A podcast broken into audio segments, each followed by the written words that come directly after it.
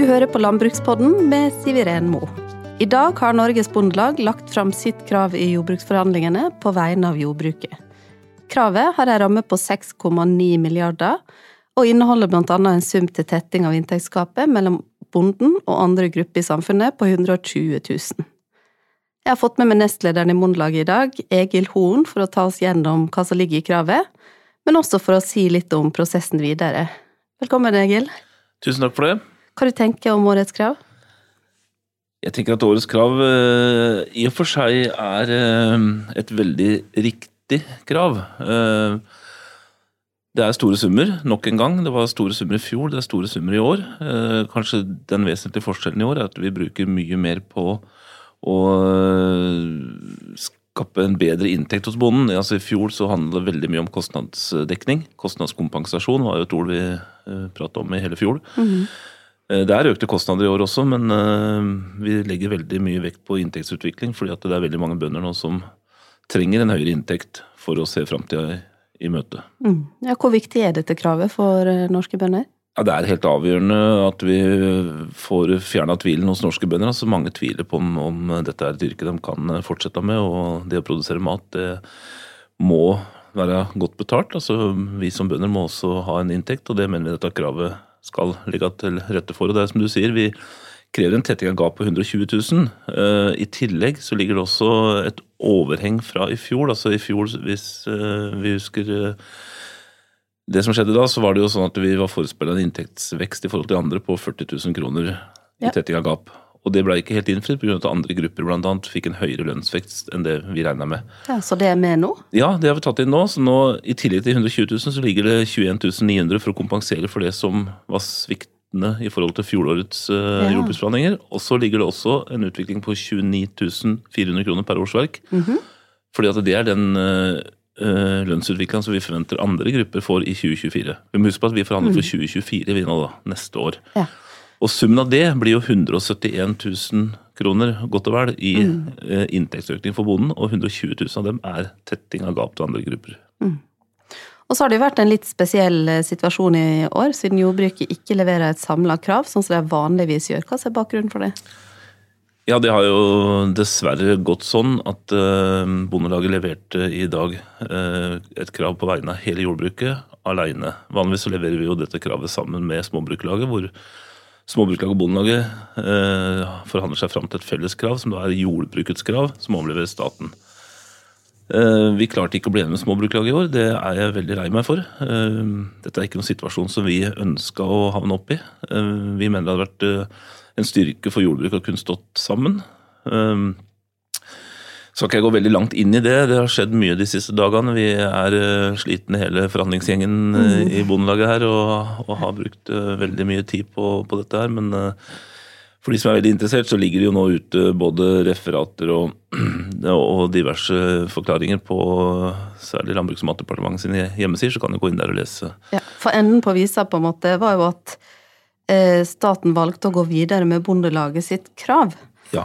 Eh, har det noe med, at, eh, med størrelsen på kravet å gjøre, eller har det med andre ting å gjøre? Nei, det har ingenting med størrelsen på kravet å gjøre. Det det hadde med å gjøre, som Landbruks- og matdepartementet begrunna det med, var at det, for det første så var det jo det å få gjennomført en forhandling i år. Det er veldig viktig å få lagt fram en jordbruksavtale for Stortinget i juni måned. For å nå, nå fram dit, så måtte vi få en prosessen i gang igjen. Og da har de en mulighet til å peke på en av organisasjonene. Og begrunnelsen til staten for å peke på Bondelaget da, var at det var åpenbart at Bondelaget eh, forholdt seg innafor rammene for eh, jordbruksforhandlingene. Det er en del regler og et, et tallgrunnlag blant annet, som vi er nødt til å forholde oss til. og Derfor så valgte de å peke på oss. Eh, og vi la da fram et krav på vegne av hele jordbruket. Både de som er medlem i Bondelaget, selvfølgelig, og de som uh, da ikke er medlem i noen faglag i det hele tatt, og alle mm. bønder i, i, hele landet. Mm. Hva er det som ligger i det kravet som ble lagt fram, da? Ja, I årets krav så ligger det jo, i tillegg til det vi er innom uh, inntektsutvikling, så ligger det jo veldig mange ting. Men vi har jo prioritert melkeproduksjon særlig høyt i år, og vi har prioritert velferdsordningen. Jeg tror det er de to som er de aller aller tydeligste prioriteringene. I tillegg så har vi en Nord-Norge-satsing som vi har veldig trua på. Altså Nord-Norge har behov for å uh, snu optimismen, og vi må, vi må styrke produksjonen i Nord-Norge. Så det, det, er også en, en ting. Og så er det selvfølgelig klima miljø. Uh, bærekraft som, som ligger til grunn for, for kravet vårt. Men uh, melkeproduksjon er det vi prioriterer høyest i forhold til inntektsutvikling. Mm. Jeg vil litt tilbake til tallet, fordi at kravet er jo en del mindre enn fjorårets. Hva er bakgrunnen for det? Jo, Bakgrunnen for det er at vi har ikke en så høy kostnadsvekst i år. Eller det vil si fra i år til neste år, da, til 2024. Beregnet. Ja. Som, er, ja, som legges til grunn. Det er jo veldig komplisert å beregne kostnadene inn i 2024, men sånn det ser ut nå, så vil f.eks. gjødselprisen falle og eh, Renta vil ikke utvikle seg veldig mye fra 23 til 24. Vi har hatt en stor renteøkning fra i fjor til i år, men eh, videre så ser det ut som den skal flate ut. og Det er eh, sånne type elementer som betyr at kostnadene er ikke like dramatisk økende. Men, men når det er sagt, så, så budsjetterer vi jo med en kostnadsvekst for sektoren norsk landbruk på over 1,1 milliarder. Så det er, det er, en stor kostnadsøkning mm. som selvfølgelig får sin inndekning. Men mesteparten av pengene blir som sagt brukt til å eh, styrke inntekta til bonden. Mm. I fjor så var det jo et veldig spesielt år på mange måter, egentlig. Kan vi si at vi nå er mer inne i et eh, normalår? Jeg tror ikke vi tør å si normalt år, for det, det som er preger eh, det fortsatt er den store usikkerheten. Det er vanskelig å prognosere for eh, hvordan framtida vil se ut. Eh, ting skjer veldig fort. Vi er veldig prisgitt rammevilkåra rundt oss. Hvordan situasjonen i verden ser ut framover. Hva som skjer i konflikt mellom Russland og Ukraina f.eks. Og det er veldig mange faktorer som kan påvirke denne utviklinga. Så usikkerhet er nok fortsatt et veldig sentralt begrep i, mm. i dette her. Men vi har prognosert etter beste evne og legger til grunn Norges Bank sine prognoser. Og selvfølgelig budsjettene for landbruket har jo gjort en kjempejobb i å skaffe et tallgrunnlag som vi er det beste vi har å gå, på, gå ut ifra. Mm. mm. Det snakkes en del om dette med å fjerne tvilen. Hva, hva tror du er det som må til for å fjerne tvilen?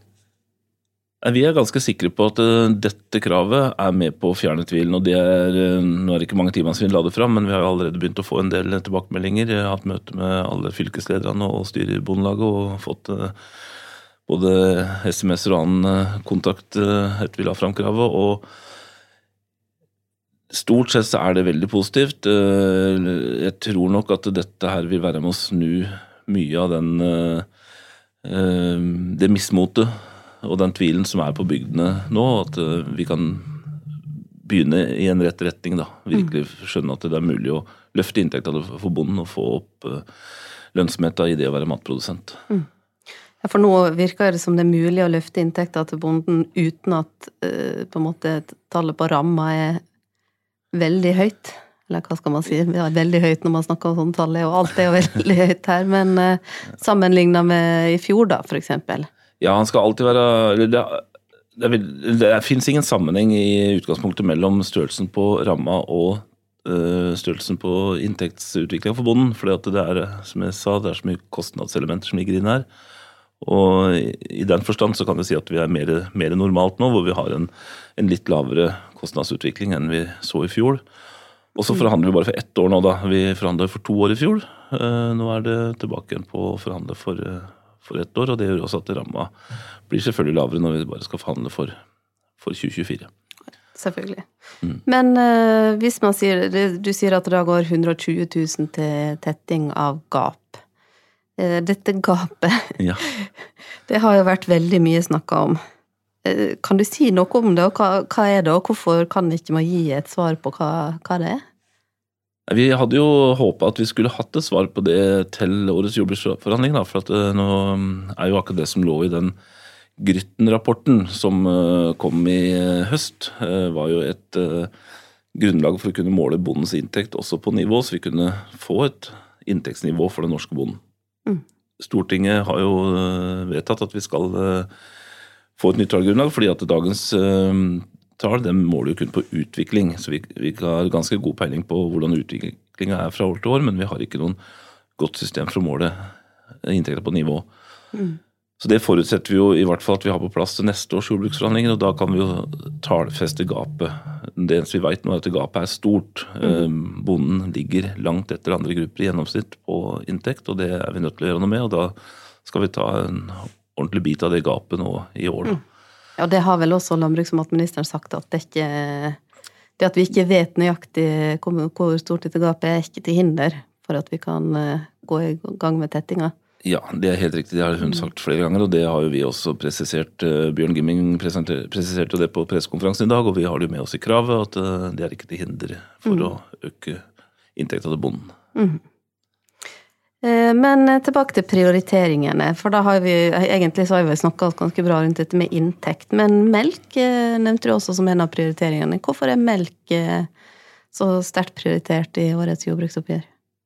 Jo, det handler jo om den situasjonen som melka står i. altså Siste året særlig, og kanskje litt lenger enn det, og så har vi jo fått eh, stadig tydelige signaler fra melkeprodusentene om at det er krevende situasjoner. Det er tøft å være melkebonde. Eh, inntekta går nedover. Og det stemmer jo veldig godt også med de tallene som budsjettene kom med, hvor de beskriver en uh, utvikling i økonomien for melkebonden som er veldig dårlig. Det har gått mye ned med, med økonomien i alle størrelser altså over hele landet. Det er helt entydig utvikling på melk. Og det er jo egentlig ikke så rart når vi ser alle de utfordringene som melkebonden har stått opp i, og, og ser, ser fram mot eh, i år og inn mot neste år, hvor det er fallende volum pga. lavere forhåndstall på kvotene. Det er øh, manglende prisuttak. altså Tine har hatt veldig store kostnader pga. de høye energiprisene bl.a. Og lavere etterbetalinger. Eh, det er eh, økte renter som treffer melkebonden, i hvert fall dem som har investert og har en del gjeld. Mm. Og sånn kunne vi bare fortsatt med kraftfòrkostnader. og ja, Det er veldig mange eh, kostnadsøkninger som treffer melkebonden. Ja. Og så er det vel mange som står akkurat i en situasjon der de enten har akkurat investert eller skal gjøre det, eller vurderer om de skal gjøre det, overgangen fra båtfjøs til løsdrift. Ja, det er en tilleggsdimensjon som gjør dette her veldig mye mm, mer utfordrende. Det at det er mange vi skal ha med videre nå er nødt til å bygge om til løsdriftsfly siden 2034. og Det peker vi over tydelig retning også i kravet vårt, at vi må ha virkemidler som treffer dem. Mm. Og så var du innom eh, velferdsordninger. Hva ja. grep er gjort på det? Nei, Det er jo blitt uh, Uh, spilt inn fra veldig mange av våre lokallag. Altså, vi har fått innspill fra 404 lokallag disse jordbruksforhandlingene. Og over 50 organisasjoner og firmaer som har lyst til å mene noe om dette. Så vi har et kjempestort grunnlag for å, hva vi skal mene. Og vi har en veldig god resolusjon fra representantskapet i Norges Bondelag, som er liksom hele uh, planken vi bygger uh, vårt krav på. Mm -hmm. Og der er jo velferd løfta tydelig at bonden må ha velferdsmuligheter, må ha mulighet for å delta i det sosiale livet på linje med alle andre rundt oss i samfunnet. Altså, vi ønsker å reise på en ferietur sammen med venner og venninner og, og, ta med ungene våre og ha, ha en ordna eh, hverdag, rett og slett. Og vi må ha et sikkerhetsnett for at vi skal kunne få avløsning når vi blir syke, når vi trenger det. Mm. Og Derfor så har vi valgt å styrke velferdsordningene betraktelig i år. Altså Vi løfter både taket på hvor mye du kan få i avløsertilskudd, vi løfter satsene, vi løfter eh, Eh, inn også eh, behovet for å se, sette ned arbeidsgrupper som kan se på forholdet mellom bondens eh, velferdsordninger og de ordningene som finnes i arbeidslivet rundt oss. Altså, ja. Dette er en hel pakke med velferdsordninger som, mm. som, bonden vil merke allerede fra neste år, da, med, med, høyere satser og, og større høyere tak. Mm. Tror du det vil virke positivt inn på de unge som vurderer framtid i næringa?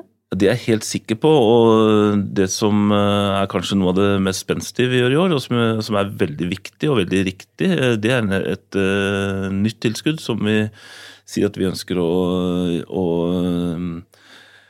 gi en hjelp til de som er bønder og som får barn, hvor de rett og slett får en, en sum utbetalt. Og det, det, er jo fordi at vi får stadig nå henvendelser fra unge bønder, unge nyetablerte, som ønsker å stifte familie, men som enten venter med å bli bønder til etter de har fått barn, eller som ikke eh, eller velger å vente med å få barn fordi at de ikke passer i drifta deres. Og det å kunne gi en mm. håndsrekning og, og, gi dem mulighet for å få litt mer tilgang på noen flere avløsertimer, det syns vi er et spennende eh, tiltak. og det blir interessant å, å høre om hvordan regjeringa tar imot en sånn type mm. utfordring. vil jeg si. For det, ja, det var helt nytt tiltak. Hvor mye ja, snakker vi om da? vi snakker om 50 000 kroner eh, for de som eh, får barn mens de er bønder. Og, mm. ja. ja. Og så uh, har det blitt uh, satt opp at det skal satses på Nord-Norge. Ja. Uh, hvorfor satses det spesielt på landbruket der?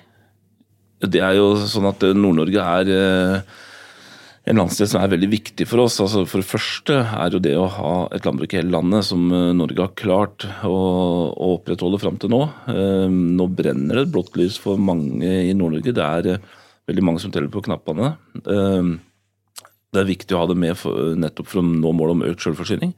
Og så er jo landbruket i Nord-Norge en nøkkel i forhold til bosetting av mange plasser i Nord-Norge. Og det å tenke beredskap, det å ha et aktivt næringsliv i hele landet, det er eh, utrolig viktig for samfunnet. Og da er det en, en satsing på landbruket i Nord-Norge en veldig lav pris å betale for å oppnå alle de fordelene vi, vi, vi vil få med oss da, med å styrke jordbruket, og ikke minst sette da fokus på også næringsmiddelindustrien, som er avhengig av eh, produkter fra bonden i nord. Så det er på høy tid at vi virkelig prioriterer det. Og de umiddelbare tilbakemeldingene vi har fått fra, fra nord, er, er, nettopp det at uh, dette kan være starten på en snuoperasjon som gir oss trua tilbake i Nord-Norge. Så håper vi virkelig at vi klarer å få gjennomført disse tiltakene når vi skal inn og forhandle med staten. Eh, har du oversikt over hvor mye årets krav påvirker prisen til forbruker? Jeg tenker på at det er jo ganske høye beløp vi snakker om her, og det har jo vært mye snakk om matpriser det siste året, spesielt kanskje, siden det er så mange priser som øker. Hvor mye vil dette utgjøre per, eh, per person? Det er også et viktig spørsmål som vi er nødt til å ta hensyn til i sånne forhandlinger. Altså, det er jo det mulighetsrommet for uh, hvor mye vi kan øke prisene, og hva vi trenger å kreve i tilskudd. og vi tar jo absolutt inn over oss den hverdagen folk flest lever i òg. Og det er akkurat som du sier, det har vært fokus på matpriser det siste året. Vi har innlagt et krav hvor vi denne gang krever det aller meste over budsjettmidler. Men vi øker prisene noe. Men det er eh, regna på det, og prisutslaget for forbruker pga. vårt krav nå, det er ca. én krone per person per dag. Og det mener vi er eh, fullt mulig å kunne få gjennomslag for, for det, i realiteten så er det en veldig lav pris å betale for å opprettholde et eh, landbruk i hele landet, og for å virkelig få starta den snuoperasjonen som vi trenger nå. Mm. Alternativet ville jo kanskje vært å tatt ut i markedet, og da ville det potensielt blitt mye dyrere for eh, forbrukeren? Ja, det er det som er så fint med den norske eh, landbruksmodellen, og, og som egentlig forbrukerne har nytt godt av det siste året, ved at vi har hatt en lavere matvareprisøkning i Norge enn landet rundt oss, fordi at staten tar en del av regninga for kostnadsøkninga hos bonden og for inntektsveksten gjennom overføringene. og så løfter vi det vi kan ut i markedet, selvfølgelig. Vi skal alltid bruke markedsmulighetene, og markedet må følge med. Vi må være trygge på at uh, vi ikke bare selger billige matvarer inn til matkjeden, og så får de lov å tjene enda mer penger. Uh, sånn at det, det, er alltid en balansegang her. sånn. Mm. Men akkurat dette kravet her, det, det syns vi er veldig moderat i forhold til prisøkninger. Og så adresserer vi mesteparten til, til økte tilskudd og ordninger fra statens side. Mm. Hvordan tror du mulighetene er da for å få gjennomslag for eh, vårt krav?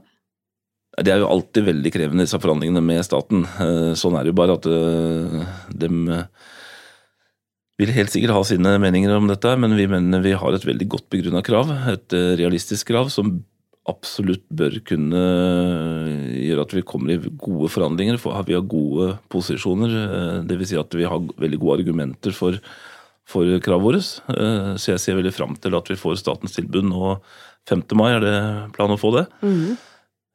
Og så starter vi da på en prosess med forhandlinger og, og prosedyrer som dette, hvor vi skal begrunne vårt eh, krav, og staten skal begrunne sitt tilbud. Og så blir jo det en ordentlig dragkamp. Og til sjuende og sist et spørsmål om, om mulighetsrommet rent politisk. Da, hvor, hvor mye penger er det mulig å å få eh, inn i årets jordbruksforhandlinger. Mm. Og blir vi ikke fornøyd, da blir det brudd. Da kan det bli brudd. vi har planer for det også. Ja, det vi har vi. Det. håper virkelig vi ikke kommer dit, for målet er alltid å få en best mulig avtale. Mm. Eh, det er viktig for oss, og det er avgjørende for den norske bonden, og særlig kanskje i år hvor det er så, mm. Så mye som trengs eh, på inntektssida. Ja, for det er jo sånn at hvis det inngås en avtale, så er jo det den avtalen som sendes til behandling i Stortinget. Men hvis vi velger å bryte så er det jo statens tilbud som går til behandling i, i Stortinget. Og da har vi mista all vår påvirkningskraft. Så det er jo noe man alltid må ha med seg. Inn. Ja, det er helt uh, riktig. Hvis en ikke kommer fram til en løsning, så er det tilbudet eller eventuelt et revidert tilbud. Staten kan velge i løpet av prosessen å høyne sitt tilbud òg. Da, da, kommer det med en såkalt revidert tilbud. Og, og, da vil det gå til Stortinget hvis vi bryter. Ja, ja. jeg skjønner. Men hva som er din rolle da, som, eh, som første nestleder? Ja, rollen min er jo den at vi er eh, to nestledere i Bondelaget og leder. Og det er vi tre som er eh, forhandlingsutvalget i Norges Bondelag, så jeg er jo rett og slett en av tre som sitter i forhandlingsutvalget, og som til sjuende og sist tar disse avgjørelsene på hva vi skal kreve, og hvordan vi skal innrette det, og hvilke tilskudd vi skal prioritere, og hvordan vi skal gjøre prisen, og, og, alt dette her. Så mm. det har uh, vært noen hektiske uker nå, og så blir det kanskje noen litt roligere dag, dager, og så blir det knallharde forhandlinger fra 5. mai til 16. mai. Det er et stort ansvar, men det ser ut som du er veldig klar. Jeg har troa. Veldig bra. Og eh, så neste punkt er altså at det kommer et tilbud fra staten da den 5. mai, forhåpentligvis. Så, ja. Og da er vi selvfølgelig tilbake med en ny eh, podkastepisode. Og da tror jeg faktisk at vi runder av for i dag. Nå håper jeg at dere som må høre på, har fått en liten sånn eh, superrask gjennomgang av hva som ligger i det kravet som ble lagt fram i dag. Og så høres vi om litt. Du har hørt på Landbrukspodden, en podkast fra Norges Bondelag. Programleder har som vanlig vært Siv Iren Moe.